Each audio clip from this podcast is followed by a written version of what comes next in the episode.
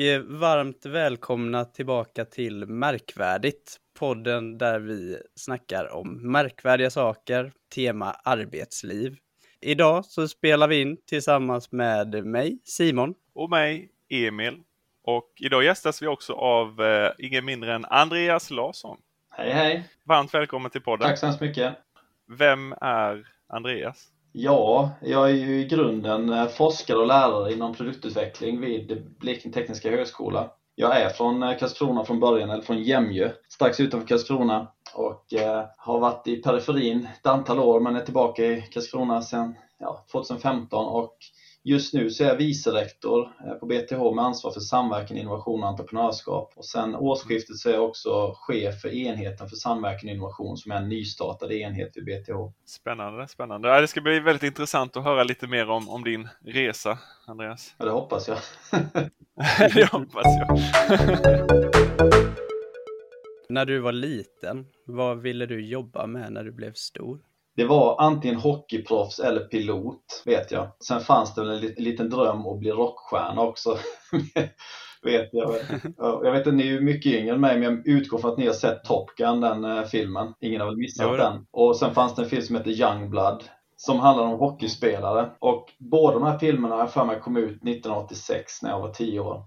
Jag vet inte om det är så att när man är 10 år gammal att mycket fastnar då, men jag vet i alla fall att det hängde med mig och på något sätt det här med pilot och, och hockeyproffs var någonting som jag ändå i den åldern tänkte att det där skulle jag vilja bli. Men sen visste inte jag vad det innebar på något sätt eh, och jag hade inte egentligen några negativa tankar kring att jobba med något annat heller om man säger så. Ja, men det är lite synonymt med alla vi har med i podden. Man säger att ja, jag, jag ville bli sjuksköterska fast jag visste inte vad det innebar. Liksom. Eller jag ville utveckla spel men jag visste inte liksom, vad det betydde. Nej, och för min del, jag menar jag, det upplevde jag att det var inte så att jag blev äldre och kände att jag visste så mycket om framtiden heller. Liksom att eh, man ser att någon går till jobbet och de tjänar pengar och hela den biten men du har ju egentligen inte så jättestor koll i hur en dag ser ut och um, vad det egentligen innebär. Mm. Så att, uh, men visst, pilot och hockeyspelare, det är väl ganska tydligt liksom ändå. Det finns nog mer luddiga yrken än det.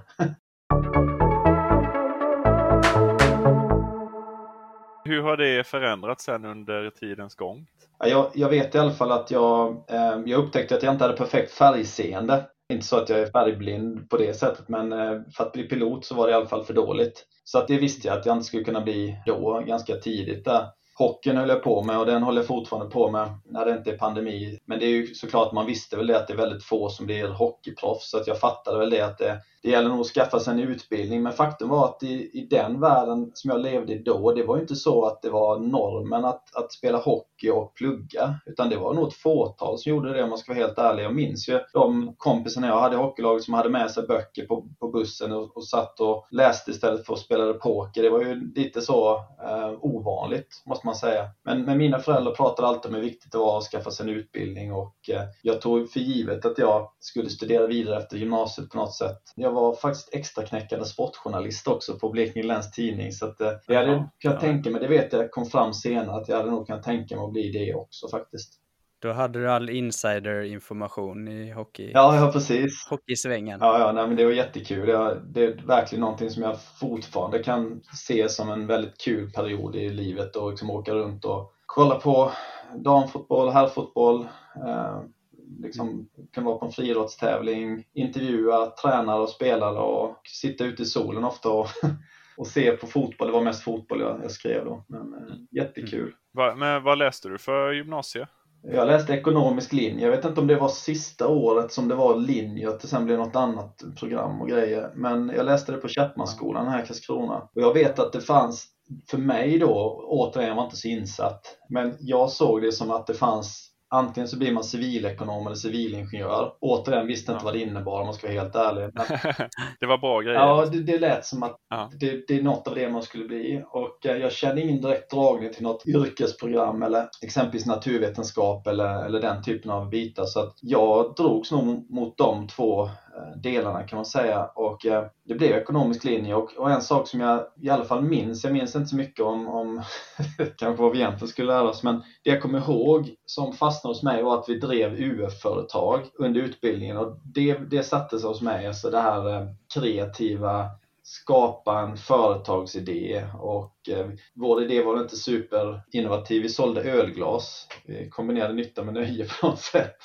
Men jag hade en hel pall med ölglas i garaget minns jag inför jul. Men, men det var jättekul och jag önskar att alla får möjlighet att gå igenom UF. Jag tycker att det var väl kanske det kanske mest intressanta och det, det, det som jag har med mig idag från, från den ekonomiska linjen. Det här med att eh, entreprenörskaps och innovations och kreativitetsbitarna. Just det, ja, det har ju banat vägen för din framtida karriär sen också känns det som. Det har blivit lite sådana saker i alla fall. Jag tyckte att det var väldigt kul. Jag tyckte väl skolan var helt okej okay även i övrigt men just när det kom till den här grejen där det inte det fanns inga rätt eller fel på något sätt utan vi kunde hitta våra egna vägar och eh, välja vad vi skulle satsa på och vilken strategi vi skulle ha och eh, liksom vad vårt erbjudande skulle vara och det tyckte jag var väldigt kul och väldigt fritt. Så att eh, grymt positivt och, eh, och som sagt jag, jag ser väl lite grann på det så också rent allmänt även det jag jobbar med idag att om man jobbar med innovation och framtiden så är det väldigt svårt att säga att det finns några rätta svar. Jag har nog alltid gillat att jobba med den typen av frågor som är lite komplexa och fakta är viktigt, så det är inte så att, det liksom är, att man kan bara kan, kan drömma och, och, inte tänka på hur verkligheten ser ut. Men just det här att, att du skapar någonting, eh, något som inte finns, det har jag alltid varit intresserad av på något sätt. Och jag tror att det, en del av det fick jag nog där, därifrån, en slags motivation till att jobba med den typen av frågor. Men sen var det dags för högskolan misstänker jag? Ja, det blev det ju. Och som, som jag sa innan så jag hade nog inte, absolut civilekonom, civilingenjör, det fanns ju där i huvudet och det var väl som sagt föräldrarna som, som tyckte det skulle vara bra om man skulle plugga vidare och hela den biten. Så det fanns ju där, men jag vet att jag ryckte in i lumpen då, gjorde värnplikten i, i Karlskrona då vet jag fortfarande att jag inte liksom hade satt ner foten där riktigt. Det var inte så tydligt att jag ska, ska gå vidare efter faktiskt. Ehm, utan dels så, så kan man säga att jag jobbade lite extra på en klädbutik i Karlskrona ja. innan jag ryckte in i lumpen. Sen när jag ryckte in i lumpen så var nog ändå tanken att jag skulle fortsätta med hockeyn och liksom ge det något år och så kanske det blir så att man pluggar. Det var nog tanken. Men sen, eh, sen bröt jag benet eh, bara några veckor in i min militärtjänst när vi spelade fotboll en dag. Det var inte jag världens bästa på fotboll, men det var de som var ännu sämre och träffade benet. Ja, just det. Och då sparkar man. Ja, så att eh, ja. om att det hände, det hände då så fick jag en sjukskrivning där och eh, hade mycket tid att fundera och den här, de här tankarna kring vad man ska göra och, och jag såg väl, det är väl inte så att ingen har brutit benet och och liksom gjort någon slags idrottslig karriär efter det. Det är absolut möjligt men mm. för mig var det lite att jag såg att eh, i samband med det så fick man se sig om efter lite andra vägar. Jag tänkte väl att det kanske var kört med det här med, med hockeyn lite grann och, och, även när jag kom tillbaka till hockeyn så kände jag att jag kanske inte riktigt vågar gå in helhjärtat i alla situationer. Man, hade lite bakhuvudet, liksom att kroppen ska gå sönder. Så, så att på något sätt så, så började jag tänka mer på högskolan. Men min bror då, Tobias, som är professor vid BTH idag, han pluggade ju själv då på högskola och han hade sett en utbildning som, som han trodde skulle passa för mig helt enkelt. Den var tvärvetenskaplig och den fanns vid Högskolan i Karlskrona-Ronneby då som BTH hette då. Det var en utbildning som hette Människa, datateknik, arbetsliv, MDA-programmet det var inte världens tydligaste namn på en utbildning och det var inte så tydligt vad man, vad man blev heller. Men idag kanske man har kallat för interaktionsdesign eller user experience design eller motsvarande. Det var hälften datavetenskap och hälften arbetsvetenskap så vi, man skulle kunna säga att vi skulle bli länken mellan programmerare och liksom användare. Ehm, vi, vi studerade byggnadsarbetare, trafikpoliser, resebyråpersonal, massa olika yrkesroller och liksom försökte anpassa tekniken utifrån människans behov då snarare än att människan skulle anpassa sig till tekniken. Det låter ju väldigt klart idag att det ska funka på det sättet. Men på den tiden speciellt så var ju en hel del teknik som vi tar för givet idag var ju i sin linda och då, eh, då var det ju lite yxigt om man säger så. Man fick jobba ganska hårt för att kunna använda system överhuvudtaget. Då. Så jag måste säga att den, den utbildningen var extremt bra och den var nog lite före sin tid på så sätt. Ja, men det känns ju väldigt, det känns otroligt viktigt nästan vad man än ska hålla på med egentligen att förstå kunden liksom och, och, kunna ta emot feedback, observera, alltså vare sig du ska hålla på med produkter eller tjänster och det är ju mm. stort sett det man gör idag liksom. I slutet där, som ett kandidatarbete, så åkte jag till San Diego och gjorde tillsammans med en, en klasskompis där. Det är ju en, en, en livsresa på något sätt och då det ska man vara medveten också om när man pluggar att för mig åkte jag till San Diego och lärde mig saker om livet. Alltså vara självständig och liksom sköta allting från eh, räkningar och liksom köpa bil och betala in försäkringar och vad det nu må vara för någonting. Som man också behöver lära sig när man börjar plugga. Så det handlar inte bara om det man lär sig utan det man lär sig alltså i livet rent allmänt. Då. Så att, eh, det var väldigt utvecklande också. Vad letade du efter hos dina framtida arbetsgivare? Ja, ungefär som ni märker när vi pratar om min utbildning så, så har inte jag varit superproaktiv. alltså det, det, det, har lite grann blivit vad det har blivit men ja. jag har nog aldrig tänkt så jättemycket på det här att jag, jag vill jobba för det och det företaget eller att jag vill ha en arbetsgivare som är si och så utan för mig har, dels har jag trillat lite grann in på, på de arbetsplatserna som jag jobbat på men jag har sett väldigt mycket till den närmaste gruppen, alltså de som man jobbar med dagligen. Det har varit väldigt viktigt för mig att jag har ändå sett att du kan jobba på samma arbetsplats men på olika enheter eller avdelningar och kulturen skiljer sig radikalt mellan mm. dem. Så, det har jag nog märkt att när jag jobbat på de olika lärosätena jag jobbat på så har jag trivts jättebra. Men det har också varit folk som har jobbat på samma ställe, samma lärosäte som har tyckt att det varit fruktansvärt beroende på hur deras grupp har sett ut och vilken chef de har haft och vilka möjligheter de har, fått och så. Så att man, jag tycker man pratar mycket om så här företagskultur och så men i slutändan handlar det väldigt mycket om kanske subkulturer eller community community och känsla av team och sånt där. Och det kan ju fungera både på gott och ont, tänker jag, att det skapas negativa eller skadliga subkulturer och communities. Men i mina fall så har det funkat väldigt bra. Där jag har jobbat har det, liksom, det har varit en, ett stort driv, en vilja att utveckla sig själv och verksamhet. Man har jobbat som ett lag. Vi har haft en bra lagkänsla på de arbetsplatserna i grunden. Liksom. Det är klart att det har funnits utmaningar och så. Jag tycker att det är svårt att ta till sig på, på makronivå, på företagsnivå, att liksom vi skapar lagkänsla. Ja, absolut, men i den mindre gruppen, på enheten eller avdelningen, då, då har jag letat efter lagspelet. Man ställer upp för varandra och litar på varandra. Efter högskolan, mm. när den gick mot sitt slut, var tog du sikte på? Vad var första arbetsplatsen? Det var inte så att alla läste vidare utan det var ju tredje året och sen var det ju egentligen valfritt om du går ut och jobbar då eller om du läser ett fjärde år. Majoriteten som jag minns det läste bara tre år men jag valde att gå det fjärde året. Det mm. betyder ju att man läste då på hösten kurser och sen så på våren så var det ett exjobb det magisterarbetet gjorde jag tillsammans med min bror då, Tobias. Och då var han doktorand vid eh, Luleå tekniska universitet. Han var ju doktorand inom maskinteknik och jag kom från datavetenskap och arbetsvetenskap så vi hade ju egentligen inte med varandra att göra på så sätt. Men det var så att han jobbade med bland annat simulering av eh, fordonsdynamik inom tåg, bilindustri, alltså att hur uppför sig eh, en bil när man kör upp för en backe eller i en skarp kurva eller när man bromsar hastigt och liknande. Ja, och man kan säga att jag hjälpte honom att göra den, den programvaran han använde mer användarvänlig ni själva då som, som vet vad det innebär att vara konstruktör så att säga eller ha den ingenjörsrollen så i alla fall då var det ju så att du hade liksom konstruktörer och så hade du beräkningsingenjörer och det betydde att om du konstruerade en komponent och sen skulle du räkna på den så var det i många fall olika personer som gjorde det. Och den här programvaran var ganska komplex vilket gjorde att du behövde i princip vara expert på mjukvaran för att kunna göra en beräkning eller en simulering. Och det vi gjorde då var liksom att, att hitta ett sätt att göra den här programvaran mer användbar användarvänlig så att du ska kunna göra vissa beräkningar och simuleringar utan att vara expert på det programmet. Så det var ett sätt att eh, ja, men helt enkelt göra programvaran mer användarvänlig och, eh, och nyttig för en konstruktör.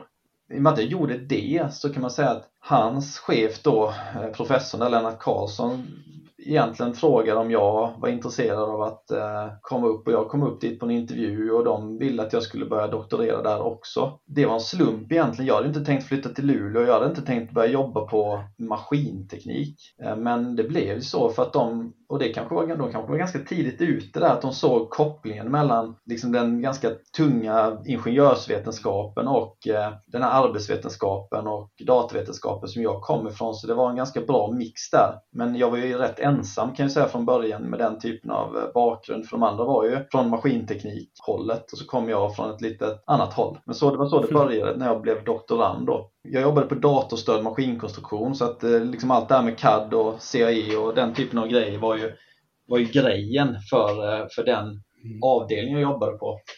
Men det som började komma upp då som jag fokuserade på var ju det som var, vi kallade för distribuerat ingenjörsarbete. Alltså nu i pandemin så är detta en väldigt aktuell fråga hur man kan jobba tillsammans på distans. Och det var det jag jobbade med. Hur kan man underlätta för ingenjörer att jobba tillsammans trots att de sitter på olika platser i världen?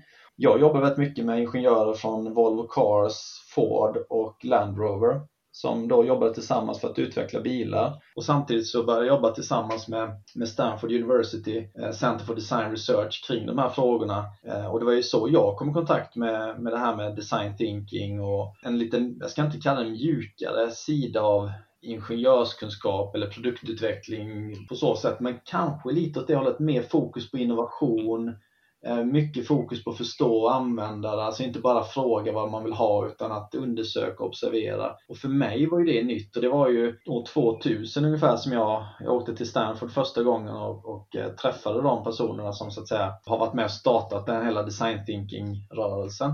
Men för mig då så det var ju helt, det var, inte det, det var inte normen då kan jag ju säga helt ärligt utan det var ju väldigt mycket mer tekniskt ingenjörsarbete att är det rätt så är det rätt och man räknar tills det är rätt.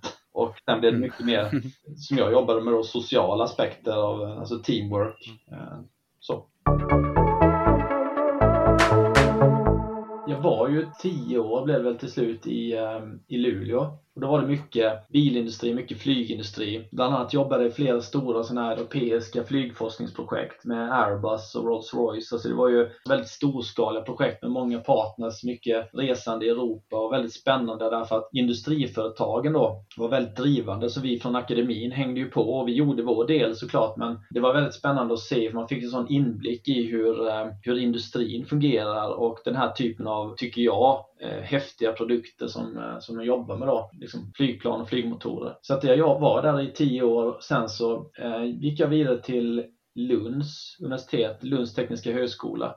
Och då fick jag en förfrågan om jag kunde börja där som ämnesföreträdare för ett nytt ämne som hette innovationsteknik. Och det kan man säga att ska man säga något om vad det egentligen är så är väl det typ en liten Stanford spin-off kan man väl säga, eller en, en, en, nickning i alla fall mot det tänkesättet och design thinking och det här alltså att, att organisera sig för innovation och att eh, lära ingenjörer framförallt att tänka mer kreativt och, och eh, lära sig arbetssätt för, för att öka kreativiteten och innovationsförmågan.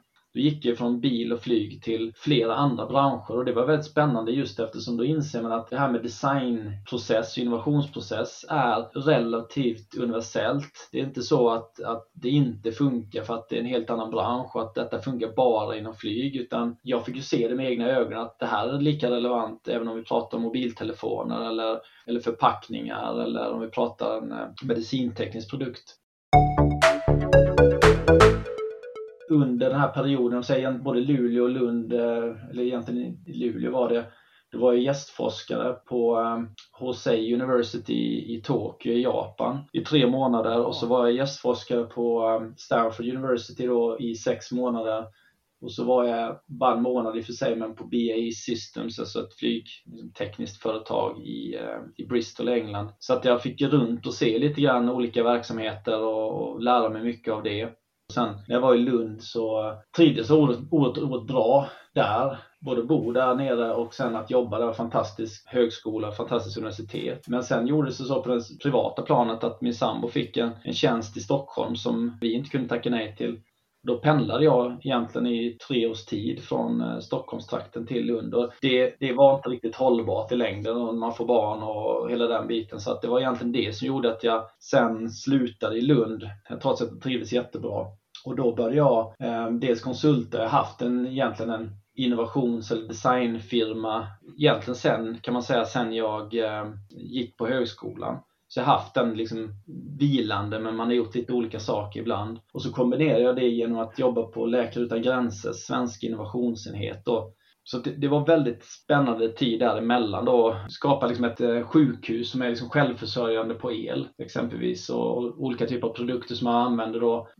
ventilatorer och liknande som har varit eh, aktuella nu inom covid-pandemin. Hur, hur, kan vi se till att liksom driva den typen av eh, maskiner med solenergi? Så alla möjliga projekt där det egentligen inte är så lätt att köpa en lösning från, från hyllan utan vi behöver utveckla lite egna, egna hack och egna lösningar. Det, det jobbar jag med på Läkare Utan Gränser. Oerhört spännande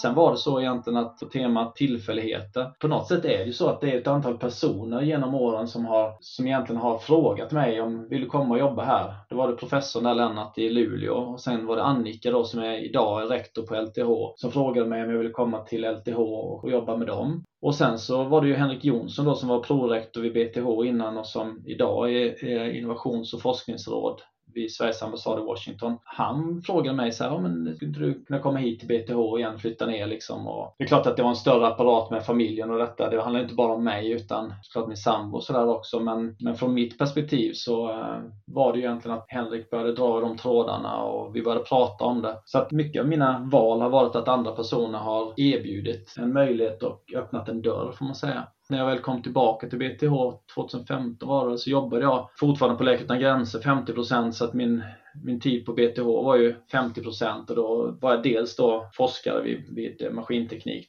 produktutveckling och sen så gjorde jag vissa så här samverkansbitar på BTH, alltså mer central roll kring samverkan, jobbade tillsammans med Henrik och, och andra kollegor kring det. Då. Sen var det så att eh, Henrik skulle åka till USA och han blev Wallenberg Fellow på Nordic Innovation House i Silicon Valley så, så blev det ju en slags vakans på BTH när det gäller samverkansarbete som han hade varit ansvarig för.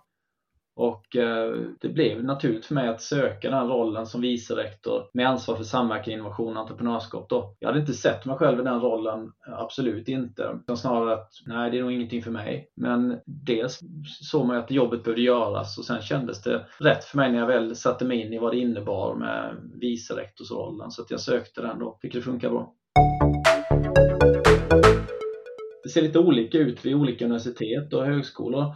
Men vicerektor, det är ju en del som kanske tror att jag är liksom rektor ställföreträdande som vicerektor. Men det är prorektor eh, som är Eva Pettersson idag som är liksom rektors ställföreträdare.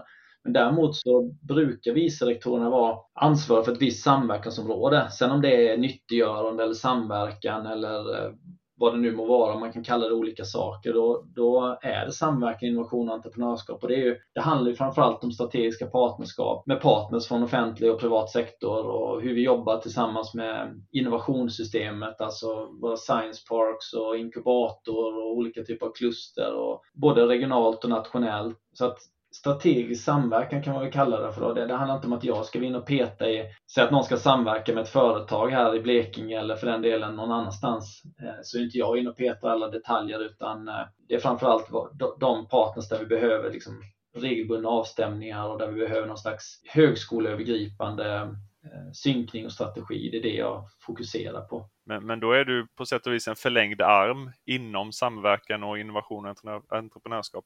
Ja, varför jag tycker det är så viktigt med den här rollen är för att det finns en risk att det blir lite en lite otydlig plattform, det här med samverkan. Så många vet ju kanske inte vad gör ett lärosäte och då pratar jag inte bara om BTH utan vad, vad gör man i akademin? Och man kanske är lite rädd för att höra av sig och vet inte vem man ska prata med och man kanske tror att man måste snacka forskningslingo eller de tror att man måste ha mm. massa pengar med sig om man ens ska plocka upp telefonen.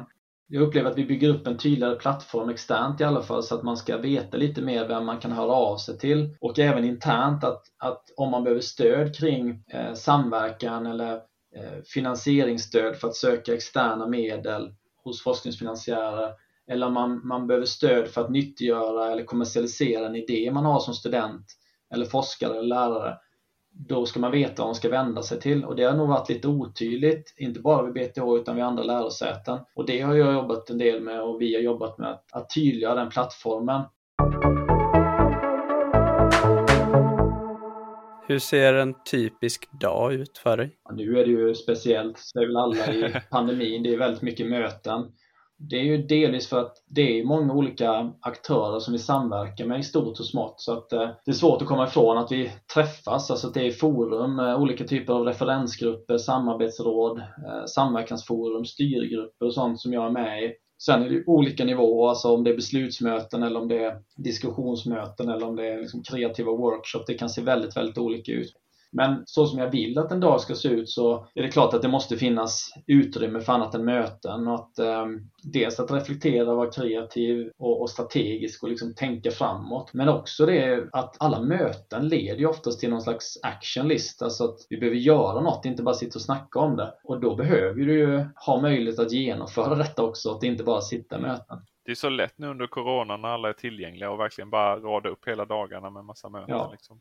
Men, men visst, alltså på något sätt så nu har det öppnat en dörr för det här att vi kan ha lite avstämningar. De behöver inte vara en timme och de behöver inte vara fysiskt. Vi kan träffas fem minuter och vi kan göra det på lite olika sätt. Att vara lite flexibel i det upplägget. Eh, jag tror att vi, vi kanske har varit intvingade i liksom, det är så här vi gör och det är så här vi har våra möten. Och nu har vi blivit tvungna att omvärdera det. Jag tror att det är i grunden positivt. Men jag måste ta ansvar också för mig själv och för mina medarbetare i hur gör vi nu då framöver? Ska vi bara återgå till hur det var innan eller ska vi försöka göra något nytt? Jag tror att det, vi behöver innovera väldigt mycket när det gäller våra arbetssätt och hur vi samverkar framöver, absolut.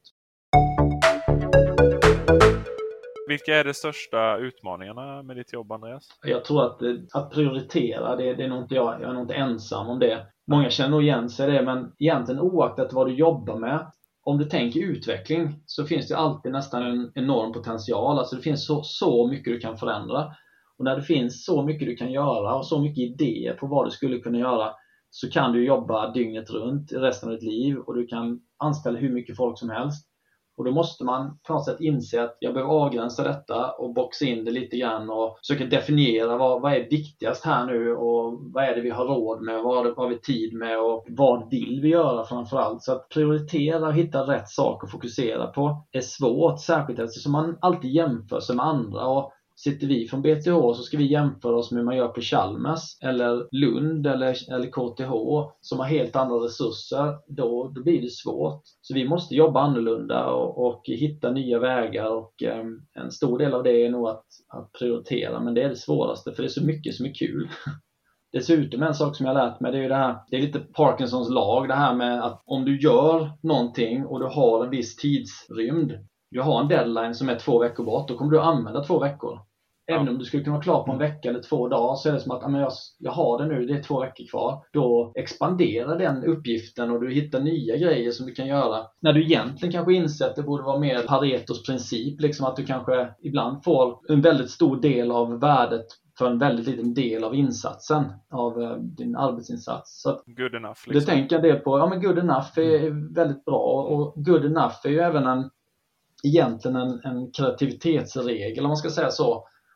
Att om du försöker vara smart och alltid liksom trumfa alla med dina idéer och du ska liksom komma på det bästa och sen ska du visa det för alla så blir det ett ganska dåligt flöde. Alltså det är ganska få idéer du får fram om du alltid ska, ska finslipa dem och, och jag tror att mm. du något som är good enough eller kanske inte ens det utan kanske till och med lite ja, halvbanalt om du, om du delar med dig av det så kanske det triggar en tanke eller en idé hos någon annan. Så poängen är inte att du ska göra det för att du själv ska se bra ut utan poängen är att du ska dela med dig för att det kan trigga saker hos andra. Och det tycker jag är superviktigt att dela med sig av work in progress, att inte så att säga försöka finslipa allt utan så här långt har jag kommit nu, vad ser du, vad vill du göra med detta liksom? Där tror jag man kan få jättemycket bra idéer. Men det är, det är svårt, det är jättesvårt med att prioritera och lägga tid på rätt saker.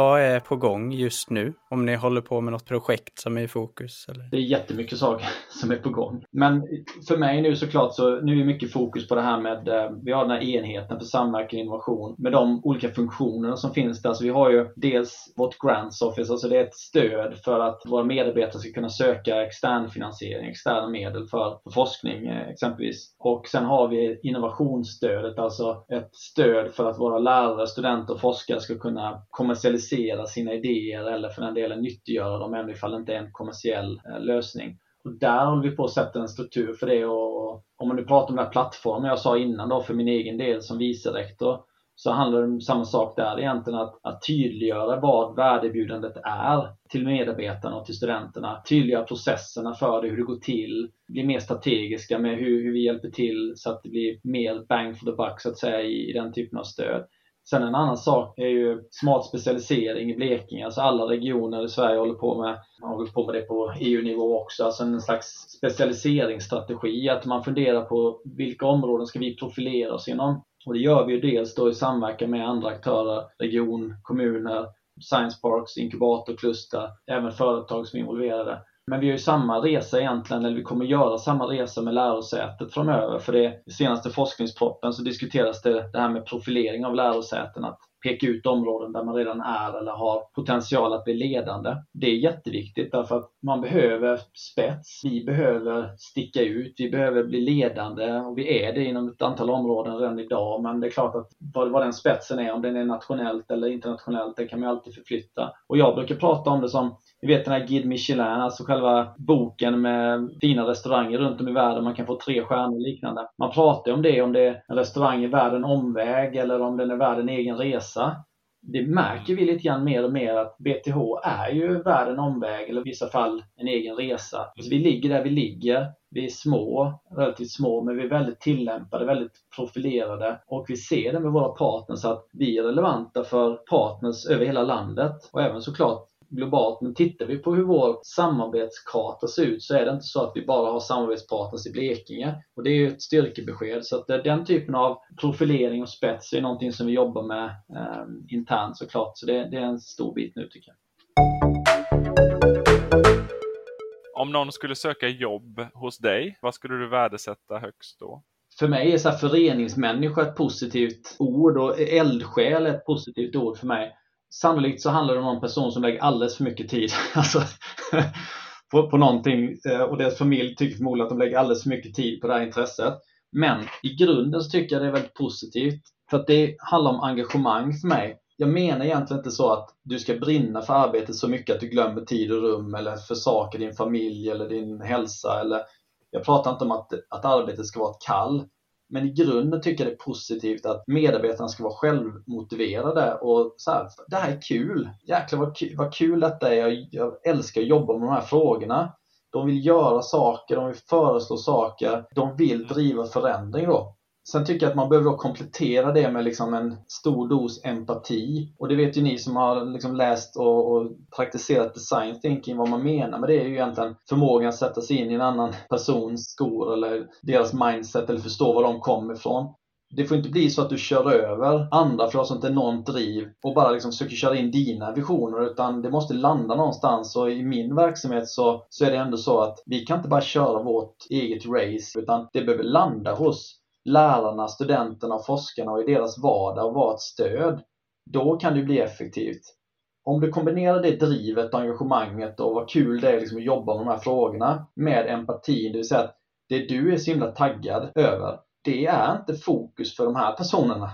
Det, det är en bisak för dem och så kan du liksom hitta den matchningen. Vad är det de behöver av dina 2000 idéer? Och vad är det som passar för dem?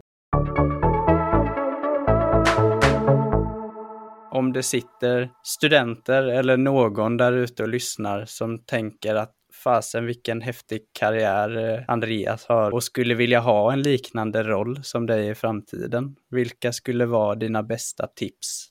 En del saker nog om mindset. Eh, jag skulle nog inte liksom rekommendera någonting till någon egentligen. Jag har inget facit men om jag skulle ha ett facit eller om jag skulle säga något som jag tror är viktigt så är det ju att om du ska jobba med innovation och utveckling så är det ju bra om du på något sätt inser att det här med att vara ute på hal is och känna sig lite fasen jag vet inte vad jag håller på med. Mm. Det är en bra känsla. Mm. Det betyder att du utmanar någonting. Du utmanar dig själv, du utmanar andra. Du behöver liksom leva lite grann på den gränsen och förstå att det är fine. Det, det känns luddigt. Det är ingen som har rätta svaren och det kommer vara obekvämt, men det är okej. Okay. Och kan man förstå det och känna att jag ändå på något sätt letar efter den här tvetydigheten eller mångtydigheten och liksom att saker och ting är lite luddiga för att jag, jag är och knuffar på framtida lösningar. Vi vet inte riktigt vart vi är på väg och hela den biten. Då tror jag man har väldigt mycket vunnet och för mig, vad jag tror är viktigt då, är, är det som jag har lärt mig mycket om design och innovationsprocesser. Alltså ett processtänk kring detta. Inte att du ska lära dig exakt de här förmågorna för att du ska kunna ta fram en lösning. Utan att du har ett processtänk som betyder att egentligen vilket problem än som någon kastar på dig så har du en process för att hantera det. Det tycker jag är vad jag i alla fall har tagit med mig genom åren att fastän de kan komma med nästan, nästan vad som helst. Och det är inte så att jag klarar av vad som helst men i grunden så har jag nog ett sätt att hantera de här frågorna och försöka förstå behov och sammanhang och skapa kreativa, attraktiva lösningsförslag, testa mina idéer mot andra. Hela den biten. Så jag skulle säga att det har du nytta av både i jobbet och på fritiden. Egentligen i, eh, det är ett förhållningssätt kring hur man möter utmaningar och hur man, liksom, hur man hanterar och, och stegvis tar sig framåt i en liksom problemlösnings och kreativ process. Sen hur man tar sig till sig det om man jag, menar, jag lärde mig själv att simma liksom, genom att kolla på YouTube-klipp, alltså nu pratar jag simma crawlsim. Det finns säkert mycket av det här du kan lära dig via YouTube eller du pratar med någon eller du läser en högskoleutbildning. Jag tänker inte rekommendera någon att du måste ta den här vägen. Det finns många olika sätt att få sig det perspektivet, men jag skulle fokusera mycket på, på processen. Process kring kreativitet, design, innovation och lära sig att det finns inget svar, ett rätt svar, utan det, det ska vara lite osäkert, lite luddigt och knuffa dig själv i en riktning som är lite obekväm. Då gör du förmodligen något som är lite hyggligt eh, innovativt. Men med det sagt så eh, hoppar vi över till den andra delen av eh, den här podcasten. För er som inte lyssnat på alla våra avsnitt så brukar jag och Emil eh, ta med oss varsin, kan vara en rolig jobbannons eller en eh, lista med roliga saker, eh, ja, eller liknande med tema arbetsliv. Den här gången så har jag hittat ett gäng galna jobbregler som folk stött på ute i, i olika situationer. Då har man ställt den här frågan på Reddit och Eh, Business Insider har samlat sina favoritsvar som eh, jag i min tur har valt ut några av mina favoritsvar på. Den första, inga otillåtna skäggtyper. Jag brukade arbeta på ett flådigt café som hade fem olika väldigt specifika skäggregler. Skägget måste vara mellan ett visst skäggintervall, annars måste man raka bort det. Inga polisonger och det var speciella bestämmelser angående mustasch och skäggkombinationer. Vill man ta och odla skägg så får man inte komma tillbaka till jobbet på ett par veckor förrän skägget vuxit till en respektabel längd. Har ni några sådana på BTH? Nej, det har vi inte. I alla fall inte jag hört talas om dem. Men jag, jag, det förde ju tankarna till när man låg i lumpen där eh, gjorde värnplikten och då var det ju liksom disciplin på det där med att raka sig. Jag vet att jag tänkte på det där att okej, okay, men de här befälen då, de har ju skäggväxt liksom. Hur kom de från att inte ha någon skäggväxt till att ha det här som är acceptabelt? För de fick inte ha det här fjuniga förmodligen. Så mm. jag vet fortfarande kanske inte svaret på den frågan. Jag tycker inte, det handlar inte bara om skägg såklart, utan många av de här sakerna är ju inte skrivna regler alltid. Men det finns ju oskrivna regler för hur man ska vara och hur man ska föra sig och liksom, ska man ha skjorta det här jobbet? Är det okej okay med jeans eller kan man ha chinos? Ska man ha gympadojor? Alltså jag tror att det är många som har den typen av problem i vardagen. Att liksom hur, vad är okej okay här? Därför att det är inte mm. kanske en uniform som är tydlig. Utan du får välja själv men samtidigt så kommer folk se på det på ett på ett visst sätt och jag har själv hamnat i den situationen där man ska välja, är det kostym idag för att jag ska till ja, Tokyo var det inte att välja på, det var ju kostym och slips varje dag liksom. Um, västkusten i USA äh, det är annorlunda, du kan gå med liksom flipflops och, och shorts. Men jag är helt övertygad om att jättemånga tänker på detta. Det är nog väldigt många som inte är bekväma med att jag kan inte bara välja det som jag hade valt normalt sett jag är ju själv sån som kanske köper 12 stycken likadana t-shirts och jag hoppas att folk inser att jag har 12 olika så att jag faktiskt tvättar eller byter. Men för mig så är det så här, ja men jag tycker det funkar för mig och då har jag det. Någon annan kanske har någon annan preferens och kanske gillar att gå mer uppklätt och det är fint. Så jag menar inte att det ska vara så att alla ska vara, att det ska vara casual friday alltid för det, det är ju väldigt olika. Men för mig så, så vet jag att jag har tänkt på det många gånger, speciellt då när man ska på något möte nere i Europa liksom eller kanske an, någon annan kontinent och så får man tänka mycket mer på vad är det jag plockar med mig. Mm. Medan ska jag här på BTH mm. så är det liksom lite grann anything goes på något sätt. Mm. Men skägg, nej. Nej. Ja, det låter så här, på så här Nordkorea-vibes. Typ. Ja. Och här är ett företag som tagit säkerheten verkligen på allvar. När jag jobbade som budbärare på en advokatbyrå så var vi tvungna att använda en vagn varje gång man skulle flytta någonting. Om man flyttade en enda låda utan vagnen så bröt man mot reglerna. Jag var på en arbetsplats i England en gång och skulle dra en vanlig kabel, alltså en, en strömkabel från ett uttag i en korridor in i ett mötesrum.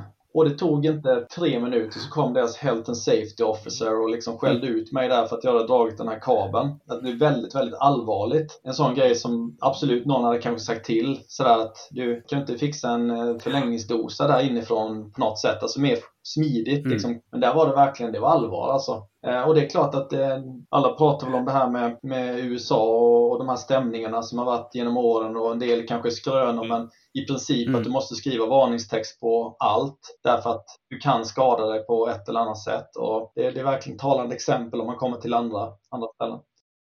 Den sista. Här är en som har en strikt inga popcorn-regel. Där jag började jobba för runt två månader sedan så finns det en strikt inga popcorn-regel. Det cirkulerar ett allvarligt ordat mejl från den högsta chefen för ett par år sedan där han förbjöd popcorn för alla anställda. Det var ingen biograf eller? Nej, tydligen så är resonemanget bakom med citat. Har ni någonsin testat att prata i telefon och äta popcorn samtidigt? Så det är något som Jaha. gått på nerverna där och slutat med en, ett förbud. Nu när vi ändå har Andreas på tråden här så har jag med mig galna yrken som eh, kan finnas i framtiden. Så det är lite så här futuristiskt, eh, lite innovativt. Då den första nostalgiker. Vad tror ni en nostalgiker gör? Jag minns tillbaka och tänker till hur, hur, bra det var förr. sitter, sitter med en whisky någonstans i den. Är det någon museumroll Ja, kanske? jag trodde, precis det ni säger trodde jag med. Och sen så eh, står det här. Nostalgikerna kommer att arbeta intensivt för att återskapa förlorade miljöer, interiörer, favoritmöbler hos den åldriga delen av befolkningen. Redan inom 15 år kan vi förvänta oss eh, konsultation från proffs som kombinerar färdigheter inom terapi, inredningsdesign och historia för att göra våra hem så trygga och bekanta som möjligt. Ja, men det känns ju väldigt eh, vettigt liksom om man tänker inom demensvård och äldreboenden och sånt här. Att det kan verkligen göra skillnad i deras liv. Ja, det är intressant. Jag tänker lite grann som Simon säger också så här att det kan finnas tillämpningsområden där det är väldigt, väldigt relevant att återskapa, säg minnen. Jag menar, nostalgi för mig, kopplingen jag gjorde var ju mer så här, okej, minnas tillbaka till det som var, var bättre, men mer kanske då lite i ältande syfte. Medan det du nämner Simon är kanske kopplat till liksom att stimulera hjärnkapacitet och minnas ett sammanhang som gör att man får positiva känslor eller livskvalitet eller vad det nu må vara. Det är något väldigt positivt i det. Så jag tycker det är, en bra tanke och det är klart att den datan vi kommer ha framöver kring våra liv kommer vara väldigt mycket mer detaljerad än vad den var för x antal år sedan. Så att vi kommer ju kunna kanske återuppleva eh, saker med alla sinnen på ett annat sätt än vad vi gjort historiskt sett. Nej, spännande. Sen har vi, eh, den här säger sig själv lite, eh, barndesigner. Man kan väl i stort sett redan det idag om jag förstått det rätt eh, manipulera hur ett barn ska bli. Jag har hört om den här CRISPR-tekniken och att det är rätt så lätt att klippa ut och, och byta ut och så här. Sen finns det ju självklart en eh, moralisk faktor i det här. Ska Mm. man verkligen ändra någons förutsättningar eller ett barns förutsättningar? Och är det moraliskt att inte göra det när alla andra gör det till exempel? Mm. Ja, det är ju jättesvåra frågor som jag inte, liksom, det är inte mitt område om man säger så, men det är klart att det behöver man inte vara någon future teller för att eh, inse att det här kommer komma mer och mer såklart med liksom någon slags genetic engineering och motsvarande saker. Nej, för jag, jag lyssnade på en annan podd där de snackade om det här med att rödhåriga personer har större chans att få hudcancer. Är det då liksom en defekt som man bör eh, liksom försöka få bort? Eh, var drar man gränsen liksom för att skapa quote, perfekta barn? Det blir ju mycket moraliska problem här. Liksom. Det är ju klart man vill ge sitt barn de bästa förutsättningarna som finns men i det missionet liksom så finns det en risk att man tar bort traits som kanske gör den personen. Men jag tänker så här, jag, jag har en sista här nu. Det finns massor av galna jobb på den här listan. Så vi, vi kommer ju länka listan som vanligt i poddbeskrivningen. Men eh, den sista är molnkontrollant. Vad tror ni en sån är? Det är svårt att gissa sig till. Men eh, de skriver så här. Tack vare tunga institutioner som NASA och CERN kommer vi redan inom några år eh, att kunna påverka planetens klimat i ett långt större, en långt större grad än idag. I den eh, ständigt pågående kampen mot global uppvärmning och klimatpåverkan är det inte otänkbart att människan ger sig på att utöka molnens förmåga att stöta bort strålning från solen. Vilket i slutändan skulle kunna förlänga jordens liv. Mm. Det är häftigt. Ja, det tyckte jag var ett spännande jobb. För att avrunda podden lite, har du något initiativ eller projekt som du skulle vilja belysa? Ja, men en sak som jag tycker är väldigt spännande som vi, som vi jobbar med det är ju det här med, med marin teknik och vi, vi skapade för några år sedan Nationellt undervattenstekniskt centrum. Och där ser jag en enorm potential för, för Blekinge, för Karlskrona, för BTH, för näringslivet och de olika myndigheter eh, runt omkring här som har den typen av verksamhet som är kopplad till eh, maritima miljöer. Där ser jag en enorm potential. Det, det kommer bli spännande att inte bara följa utan vara med och, och driva den typen av eh, verksamhet. Och där har vi ju, det är ett av de områdena, eller delområden i alla fall, som vi pratar om när vi pratar om smart specialisering i Blekinge framåt. Så det känner jag mig eh, extremt taggad över. Det känns som en unik en nisch också. Ehm, det är väl så att många gör mycket i Sverige och det är alltid svårt att sticka ut och det är ett av de områdena där jag ser att vi har en potential att verkligen ta plats och, och vara liksom Sveriges marina huvudstad och leva upp till det arvet vi har. Det kommer påverka Blekinges tillväxt och utveckling såklart. Så det var väl det jag ville, ville lyfta i så fall. Mm. Och om man skulle vilja komma i kontakt med dig, vart vänder man sig på bästa sätt då? Googla Andreas Larsson BTH så hittar ni mig på antingen LinkedIn eller eh, hemsidan med kontaktinformation på BTH hoppas jag om allt ska funka. Det är svårt ofta att försöka komma fram på telefonen men eh, man kan skicka ett meddelande så kan jag i så fall höra av mig när jag har möjlighet. Mm. Nej men då är det dags att stänga igen fabriken för idag. Ni kan som vanligt eh, nå oss på våra sociala kanaler, att markvaditpodd.